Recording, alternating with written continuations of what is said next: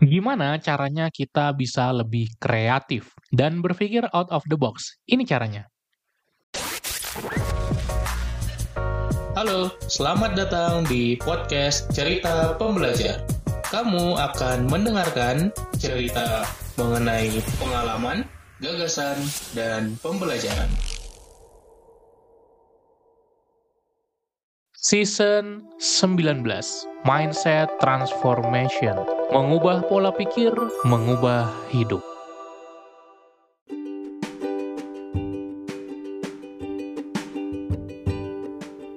Hai hai hai, welcome back to our podcast Cerita Pembelajar. Dan di season ini gue akan bahas berbagai mindset-mindset penting untuk kehidupan. Kita masuk ke bahasan tentang creative mindset di episode hari ini yaitu tentang bagaimana kita bisa menjadi pribadi yang lebih kreatif. Einstein bilang creativity is intelligence having fun. Jadi kita perlu punya kecerdasan juga di situ. Maka kita perlu mencoba melatih diri kita untuk bisa lebih kreatif. Karena lebih kreatif ini berguna di banyak bidang kehidupan. Berguna di pekerjaan, berguna di kehidupan sehari-hari juga. Ada dua hal yang ingin gue share di episode ini. Yang pertama, adalah gimana caranya kita brainstorming cepat.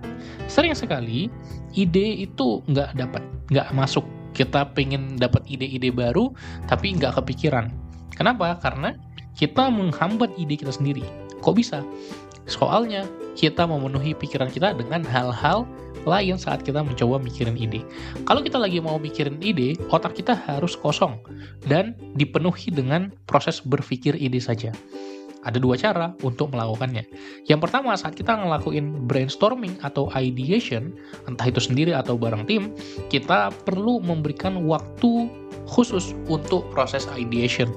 Jadi, kita lakukan dengan waktu yang terbatas.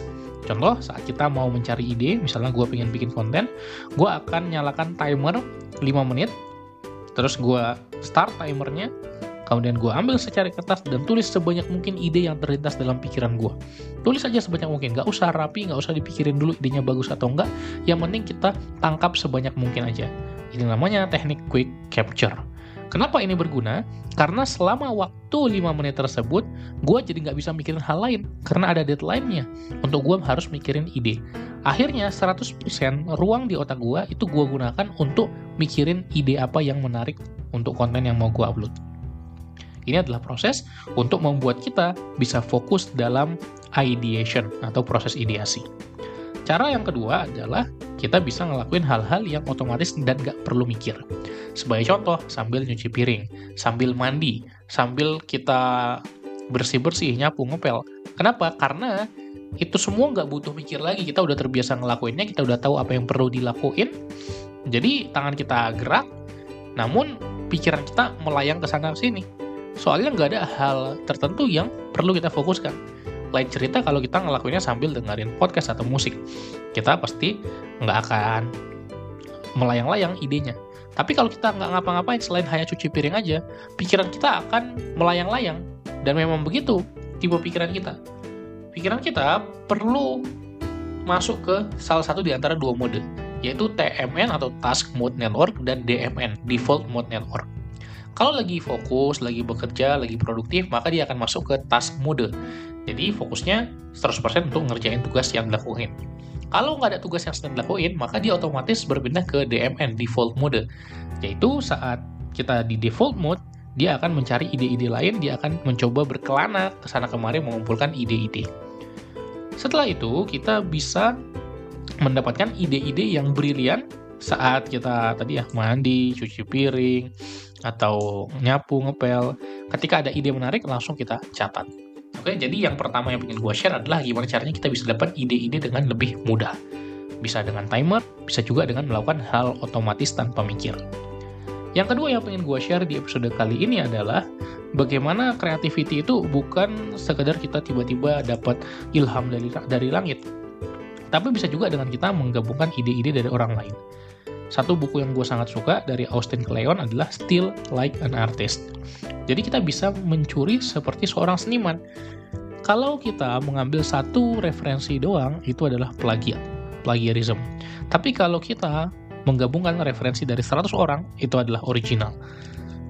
Ketika kita menggabungkan berbagai ide dari berbagai orang dan membuat itu menjadi ide kita, sebenarnya itu sah-sah saja. Dan itu adalah terapi dan proses melatih kreativitas diri kita. Gue banyak bikin sebuah program, banyak bikin berbagai program, banyak bikin framework, model. Itu kan sebenarnya nggak dari diri gue sendiri.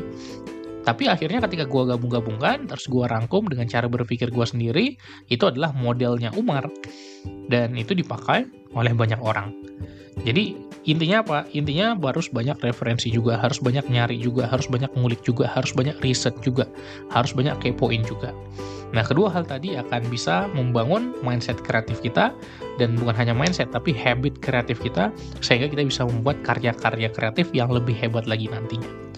Kalau lo seperti apa yang lo ingin lakukan untuk lebih kreatif, silahkan coba terapkan di hidup lo. Jangan lupa share di IG Story, tag gue at pembelajar produktif. Kita jumpa lagi di episode berikutnya. Terima kasih, salam pembelajar.